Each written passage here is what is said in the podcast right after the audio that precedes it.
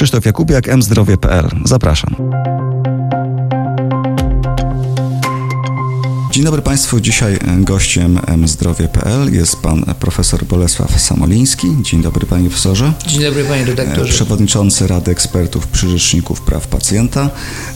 I chciałem panie profesorze porozmawiać właśnie o pacjentach. Jak pacjenci według tego, co pan śledzi, co pan monitoruje i co monitoruje również Rzecznik Praw Pacjentów, jak pacjenci prze, przechodzą przez ten pierwszy etap e, pandemii, czyli zamrożenia systemu, utrudnionego dostępu do lekarzy, takiego, takich obaw związanych z kontaktem z ochroną zdrowia. Jak pan to ocenia ze swojej perspektywy? No mamy dwa światy w tym zakresie. Pierwszy, bardzo pozytywny, to jest system opieki zdrowotnej. Dobrze się przygotował na potrzeby pacjentów, którzy mają zakażenie wirusem E, SARS-CoV-2, czyli tym koronawirusem i system ma przygotowane kadry, ma przygotowane szpitale, ma przygotowane procedury.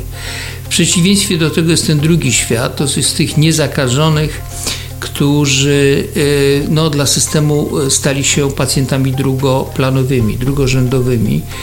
E, tutaj niestety system się zamknął na tych pacjentów i to jest powszechna opinia ze strony organizacji pacjenckich, ze strony również personelu, profesjonalistów ochrony zdrowia. Wzrosła czterokrotnie liczba no, skarg, uwag, telefonów adresowanych do Rzecznika Praw Pacjenta w związku z tym, że pacjenci się nie mogą dodzwonić do przychodni, że nie mają kontaktu z lekarzem. Mamy optymistyczne wyniki badania Narodowego Funduszu Zdrowia co do satysfakcji płynącej z teleporad, no ale one były też prowadzone, te badania wśród tych, którzy z tych teleporad korzystali. Panie profesorze, ale jest taki dualizm, przynajmniej ja dostrzegam dualizm w komunikacji publicznej, bo z jednej strony niektórzy mówią, że pacjenci się nie zgłaszają, odmawiają wizyt, przekładają wizyty, a z, i boją się kontaktu z, z, ochroną zdrowia, a z drugiej strony mamy badania chociażby Fundacji My Pacjenci, gdzie podkreśla się, że pacjenci chcieliby się umówić z lekarzem, chcieliby iść na zabieg, ale nie mogą bo przychodnia jest zamknięta, bo mm, zabiegi są przełożone. Rozumiem, że te dane Rzecznika Praw Pacjentów raczej popierają tę drugą wersję zdarzeń, że znacznie więcej pacjentów y, nie może się skontaktować i dostać opieki niż nie chce. No jeżeli ktoś nie chce się y, zgłosić do systemu opieki zdrowotnej, bo ma swoje obiekcje i obawy, to nie dzwoni do Rzecznika Praw Pacjenta. Jest to jego indywidualna decyzja i ona wynika z faktu, że w pewnym momencie 30% wszystkich zakażeń było y, spowodowanych kontaktem z systemem ochrony zdrowia, więc pacjenci zaczęli się obawiać tego kontaktu. Z drugiej strony no, pojawiła się ta sytuacja, gdzie gabinety i szpitale się pozamykały przed pacjentami. No i niektóre do dzisiaj się jeszcze nie otworzyły. Tak jest i to jest jeden z większych dramatów. No, system opieki zdrowotnej w obliczu powszechnej choroby nie może się zamykać przed pacjentem. Po to jest powołany, żeby rozwiązywać problemy tych pacjentów. A wiemy doskonale, że tych, którzy nie są zakażeni COVID-19, a potrzebują opieki zdrowotnej, monitoringu swojego stanu zdrowia jest znacznie więcej niż tych zakażonych. Tak? Mamy choroby cywilizacyjne, szczególnie wśród osób starszych, które wielochorobowością, które wymagają kontaktu z lekarzem. Teleporada była pewnym i jest rozwiązaniem. I na przykład moje doświadczenie pokazuje, że był taki moment, kiedy całkowicie się system zamknął, później się zaczął otwierać przez teleporadę, ale dzisiaj, choć nawet w systemie prywatnym pacjent za teleporadę płaci mniej, to mniej chętnie z niej korzysta niż w indywidualnym kontakcie. No i tu w zależności od specjalności będziemy mieli różne opinie. Na przykład e, e, diabetolodzy, pan profesor Czupryniak twierdzi, że ta teleporada rozwiązuje wiele problemów. W alergologii z kolei, którą ja reprezentuję, nie rozwiązuje wielu problemów. No bo trzeba dotknąć, zobaczyć, obejrzeć. Dokładnie. Tak, ja tak. muszę zobaczyć stan pacjenta, a nie wynik poziomu e, glukozy we krwi. Tak? W związku z czym czym innym się kieruje w ocenie stanu pacjenta. Wiemy, i to jest opinia pediatrów, że na izby przyjęć zaczęli się zgłaszać w mniejszym odsetku pacjenci pediatryczni, ale w gorszym stanie. Czyli ta teleporada pozwoliła na no, nierozpoznanie prawidłowe tego, co się dzieje z danym chorym i opóźniła diagnozę, no i w konsekwencji nie, mamy cięższe stany przyjmowane do szpitala. No to jest wszystko pokłosie tego, co się dzieje w systemie. Ja tylko chcę zwrócić uwagę, że jak się zastanawiam nad tym, jak to jest w naszym systemie ochrony zdrowia, to e, no, trzeba wziąć pod uwagę, że to wszystko się nie wydarzyło w dniu wczorajszym, tak? z chwilą rozpoczęcia epidemii. Epidemia po prostu uwidoczniła pewne e, niedoskonałości systemu, które narastały od dłuższego czasu. Niedobory kadrowe. Nagle nam się zamyka oddział, bo się pojawił COVID dodatni pacjent. Personel idzie na kwarantannę pacjenci pozostali idą na kwarantannę, tak? I nie ma kto załatwić innych pacjentów. Zawala się kolejka i tak dalej. A więc słabość kadrowa, niedofinansowanie systemu. Dzisiaj każdy pyta, menadżer, skąd mam wziąć środki na reorganizację swojego szpitala pod kątem dodatkowych wymogów, czy sanitarnych, czy organizacyjnych opieki zdrowotnej. Jeżeli Myśmy przyjmowali kilkudziesięciu pacjentów dziennie, a dzisiaj przyjmujemy kilkunastu pacjentów dziennie, no to przychód z tego tytułu znacznie zmalał, a koszty pozostały na niezmienionym prawie poziomie. No to też jest jakieś świadectwo tego, że i to dofinansowanie systemu jest słabe. Czy pan uważa, że rzeczywiście problemem jest e, mentalność ludzi, którzy nie chcą się kontaktować z, z ochroną zdrowia, z lekarzem, boją się i przychodzą w związku z czym e, w stanie zaostrzonym, to co Pan powiedział, czy też e, system jednak ich odrzuca, bo system się zamknął i oni nie mogli się dopukać? Jedno i drugie. No niestety tu mamy całą gamę różnych czyli nie ma, jed, czyli możliwości. Nie ma jednego rozwiązania, które nie ma by pomogło. Tak, tak jest. Otóż chcę powiedzieć, że w osobisty mój kontakt z pacjentami, z chorymi wyraźnie pokazuje, że jedni nadmiernie się obawiają tego zakażenia, inni lekceważą to. To świetnie widać na ulicy, w sklepach, szczególnie w okresie wakacyjnym. E, no i to są te dwie główne postawy. No ale to teraz system powinien jakoś e, zadziałać, zareagować, żeby te e, postawy, o których Pan mówi, nie powodowały różnic w dostępie do świadczeń, tak? Żeby jednak wszystkimi się zająć. Jeżeli ktoś się boi, no to powinien, powinniśmy przygotować sposób opiekowania się nim przy uwzględnieniu jego lęku, a jeżeli ktoś nadmiernie ryzykuje, to powinniśmy ten ryzyk jakoś, ryzyko jakoś zmitygować i spowodować, że zacznie dbać o siebie. Mogę tylko powiedzieć, że pan redaktor ma w 100% rację, to jest a. pierwsze, ale z drugiej strony. Jak chcę, to zrobić? Chcę tak? powiedzieć, że tu, zanim my zaczniemy organizować system, to musimy mieć jednolity, wyraźny przekaz adresowany do pacjentów, a tego nie mamy jak się mamy zachować w przestrzeni wspólnej, publicznej, zamkniętej, otwartej kiedy mamy do kogo trafić. Tak? Musimy dać gwarancję pacjentowi, że jak się pojawi w miejscu, gdzie jest oczekiwany, otwiera się przychodnia, on może przyjść na konsultację, że on będzie miał bezpieczny kontakt z personelem, nie będzie ryzykował kontaktu z innymi pacjentami itd. Tak Czyli musimy zreorganizować opiekę nad pacjentem na terenie placówek opieki zdrowotnej. I teraz proszę zobaczyć, co się dzieje. Mamy korytarz bardzo dobrze zorganizowany dla, dla pacjentów COVID dodatnich, czyli zakażonych koronawirusem. Absolutnie Działa. złego słowa tu nie mogę powiedzieć ale już w następni pacjenci, którzy nie wiadomo, czy są korona dodatni, czy korona ujemni, tak, już są dla nas problemem, bo musimy czekać na wynik testu czasami zbyt długo. A trzecia grupa to są ci, którzy są COVID ujemni, a muszą być w systemie załatwieni z różnych powodów, nagłych, pilnych, monitoringu przewlekłej choroby i dla nich oni są jakby zepchnięci najbardziej na bok, tak? Bo w obawie o to, żeby ich nie zakazić, albo żeby oni nie wiedząc o tym, że są zakażeni, nie wprowadzili nam do systemu choroby, my boimy się ich przyjmować. Zamknęły się niektóre poradnie POZ-u, zamknęły się poradnie specjalistyczne, opóźniły się, wyciągnęły, wy, wy, wydłużyły kolejki do planowych hospitalizacji. Niektórych zabiegów się w ogóle nie wykonuje w związku z czym, szczególnie laryngologicznych, stomatologicznych. To nie jest rzecz niemożliwa, żeby sobie, że nie jesteśmy w stanie sobie poradzić w tej sytuacji pandemii, tylko znaczy, trzeba po prostu chcieć i zarówno wymaga to większej świadomości pacjentów, jak i większego wysiłku ze strony służby zdrowia. Absolutnie się zgadzam. Uważam, że dzisiaj już potrafimy tak zbudować komunikację między pacjentem a systemem opieki zdrowotnej, żeby on się czuł bezpieczny i personel, żeby się czuł bezpieczny. No nie może być tak jak kiedyś, że w, po, w poczekalni mamy kilku albo kilkunastu pacjentów w odległościach 30-50 cm. Tak?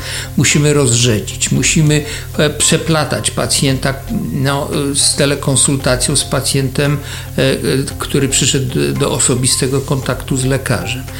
A więc poczekalnie muszą być w mniejszym stopniu wypełnione, muszą być dobrze wietrzone. Musimy mieć odpowiednie środki higieny osobistej. Tak? Nikt nie może wyjść na, temat, na teren poradni bez weryfikacji, czy przypadkiem nie mamy ryzyka, że jest zakażony, czyli charakterystyczny wywiad i podstawowe badanie na wejściu. Co by pan profesor powiedział pacjentom, że najpierw dokładnie się zastanówcie, czy potrzebujecie pomocy, przynajmniej ja bym tak powiedział, że najpierw się dokładnie zastanówcie i nie biegajcie z byle błahostką, ale jeżeli jesteście, naprawdę czujecie się chorzy, to idźcie się zgłoście. Otóż, bójcie, tak? jak ja słyszę takie pytanie, dla kogo jest teleporada, to chcę powiedzieć, że teleporada jest dla pacjenta stabilnego w sytuacji przewlekłej choroby lub zdrowego. Jeżeli natomiast u pacjenta są niepokojące objawy, to teleporada nie rozwiąże problemu. On powinien być obejrzany przez lekarza. Oczywiście można sobie założyć, że mamy taką hybrydową poradę, czyli najpierw mamy komunikację z pacjentem, dowiadujemy się, jakie mamy ryzyka po jego stronie zdrowotnej, i później go zapraszamy do siebie. Czyli robimy tak? taki teletriaż. Tak, dokładnie, tak. Czyli mamy segregację opartą na wywiadzie i na tej komunikacji przez, za pomocą technik na odległość, tak? a później już musimy e, wdrożyć normalne postępowanie diagnostyczne i to też jest e, rozwiązanie. My musimy się tego nauczyć. Ja nie wierzę w to, że ten COVID-19 zniknie w najbliższym czasie. Ten koronawirus, czyli SARS-CoV-2, będzie nam towarzyszył przez dłuższy okres czasu. On będzie zmuszał system ochrony zdrowia do reorganizacji i do długofalowej polityki uwzględniającej ten poziom jego zakaźności i wszystkie ryzyka z tego wynikające. Więc musimy już dzisiaj przebudować ten system, procedury zbudować, standardy zbudować, zreorganizować placówki pod tym kątem. No ale teraz y, nie ma na to czasu, panie profesorze, no bo krzywa zachorowań rośnie. E, idzie jesień, nagrywamy się 6 sierpnia, idzie jesień, będzie coraz więcej zachorowań, bo nikt nie nic nie wskazuje na to, że ma ich być mniej. I te wszystkie zaległości, te wszystkie osoby, które czekają z kontaktem na lekarza, aż się sytuacja uspokoi, mogą się nie doczekać, bo sytuacja się nie uspokoi. Tutaj Pan wyraźnie też o tym mówi, że musimy się nauczyć z tym żyć. To co, czy jesienią czeka nas duży problem z ochroną zdrowia? Niestety, jeżeli nie zmienimy standardów w trybie pilnym, ekspresowym, nie wprowadzimy pewnych e, e, zasad podstawowych przy takiej epidemii, a więc szybkiej diagnostyki, i e, odpowiednich tych korytarzy dla poszczególnych grup pacjentów, to czeka nas Armagedon jesienią my zamykniemy się z powrotem w pomieszczeniach z czterema ścianami, będziemy zmuszeni do wzajemnego kontaktu, a proszę zobaczyć, jeżeli dzisiaj nam rośnie populacja zakażonych, to ci zakażeni będą zwielokrotniać populację kolejnych zakażonych, a na to nałoży nam się przede wszystkim grypa, tak, która jest sezonową zakaźną chorobą, ale nie tylko, inne wirusy też szaleją w okresie jesiennym i jeżeli będziemy mieli nagle milionową populację w Polsce, czy nawet półmilionową populację, która będzie demonstrować wczesne objawy zakaźnej choroby infekcyjnej, a nie będziemy mogli rozróżnić COVID, nie COVID, to co my z nimi zrobimy? Wyślemy wszystkich na kwarantannę? jak się wobec nich zachować? Dlatego szybkie i powszechne testy są absolutną podstawą. Następnie otwartość systemu na szybkie załatwianie i diagnostykę różnicową i objęcie tych pacjentów. W przeciwnym razie, proszę sobie wyobrazić, mamy gigantyczną armię pacjentów, którzy wchodzą drzwiami oknami do POZ-u, do specjalistyki, do szpitali. I my nie wiemy, kto jest zakażony, kto nie, nie zakażony. Co, wyślemy cały system opieki zdrowotnej na kwarantannę, bo nagle będziemy mieli ryzyko, że przyszedł do nas pacjent, który być może jest COVID dodatni, a być może COVID ujemny, a my nie potrafimy na to odpowiedzieć i według standardów dzisiaj obowiązujących powinniśmy w tym momencie cały personel objąć kwarantanną, żeby nie szerzyć tego e, e, potencjalnego zakażenia, tak? No łatwo sobie wyobrazić, że to grozi paraliżem. No ale w, co, co jest takie najważniejsze, żeby tego paraliżu uniknąć? Te standardy, o których Pan mówi, e, takie najważniej, jakaś najważniejsza myśl przewodnia tego. Dystans społeczny? To, o czym e, mówimy od Na marca? pewno, na pewno tak. Ja uważam, że nie należy odpuszczać, a wręcz należy zaostrzyć e, nie, kontrolę indywidualnych zachowań ludzkich pod kątem e, no, ryzyk, które są związane z szerzeniem epidemii. Tak? Maseczki w, każdym, w każdej przestrzeni zamkniętej E, ograniczenie zbiorowych kontaktów. No te wesela, które są tutaj takim... Już przysłowiowe wesela. Tak, i przykładem znakomitym. No tak. wyobraźmy sobie zamkniętą salę, gdzie wszyscy tańczą, są spoceni, jedni tańczą z drugimi. No przecież to po prostu jedna osoba potrafi zarazić jedną trzecią tych, którzy są weselnikami, więc musimy wprowadzić jakieś zasady na tych weselach. Albo po Tańcy w otwartej przestrzeni. Nie wolno tańczyć z wszystkimi, tak? Nie całujemy się. No ale w grudniu na otwartej przestrzeni się nie da, więc po prostu pewnie łatwiej jest zakazać. W grudniu, tak, to już jest inna bajka. Tutaj będziemy musieli mieć inne standardy, bo mm, oczywiście mm, tajniec w kożuchu nie jest już tym, o co na weselisku chodzi. A jeszcze jedno spytam na koniec naszej rozmowy. E, wrócę do tego, od czego zaczęliśmy, czyli od liczby e, skarg, uwag, wniosków i tak dalej, pacjentów zgłaszających się do Rzecznika Praw Pacjenta, e, które dotyczą problemów z dostępem do ochrony zdrowia w czasie pandemii. Czy jest tam jakiś trend y, malejący? Czy ta krzywa skarg się wypłaszcza, czy dalej rośnie? Według moich danych to jest mniej więcej stały poziom, czyli jakby utrzymuje się pewna zwiększona ilość E, e, ja nie znam danych z ostatnich e, powiedzmy tygodni, dni, mhm. tak? Ale w tym okresie, w którym to śledziłem, to ta ilość skarg mniej więcej mimo odmrażania, się. mimo apeli wielokrotnych i NFZ-u, ministerstwa, żeby pacjenci jednak byli przyjmowani, że pacjenci się zgłaszali, żeby szpitale otwierać cały czas, jednak ta liczba jest podwyższona.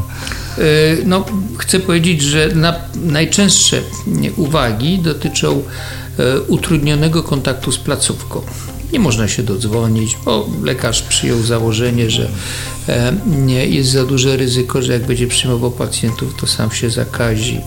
E, e, mówi się o teleporadach, ale personel nie jest przygotowany do tych teleporad. Nie ma też odpowiednich narzędzi teleinformatycznych i telekomunikacyjnych. Tak? To wszystko się składa w jedną Czyli całość. właściwie to są takie banalne rzeczy, które można byłoby rozwiązać dobrą wolą i chęcią ze strony placówek.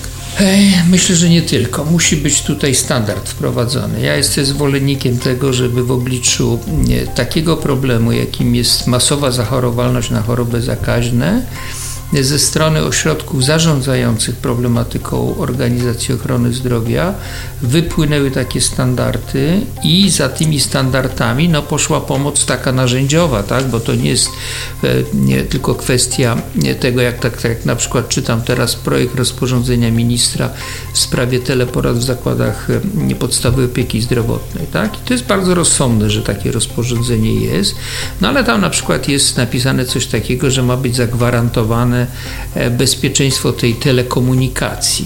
No jak lekarz przy swojej wiedzy i technicznych możliwościach ma to zrobić, zweryfikować? Ma wydać duże pieniądze na to, żeby zakupić odpowiednie oprogramowanie i sprzęt w firmie informatycznej, a kto mu to zrefunduje? No więc to, to, to, to znowu też jest tak, że nie wystarczy powiedzieć róbcie tak, jeszcze trzeba e, no tak, tak zwane studium wykonalności Czyli te, wykonać. czyli te standardy powinny być realne i przystawać po prostu do rzeczywistości, do naszych możliwości. Dokładnie, dokładnie. I to też musi być zaplanowane. To też jest jeden z elementów tej strategii, którą trzeba w trybie ekspresowym no, zbudować. Miejmy nadzieję, że ta strategia powstanie. Bardzo dziękuję za rozmowę. Dziękuję panie redaktorze. Naszym gościem dzisiaj, naszym gościem w M-Zdrowie był Bolesław Samoliński, przewodniczący Rady Ekspertów Rzecznika Praw Pacjenta. Dziękuję państwu. Bardzo dziękuję. Do usłyszenia. Wszystko co ważne w jednym miejscu. mzdrowie.pl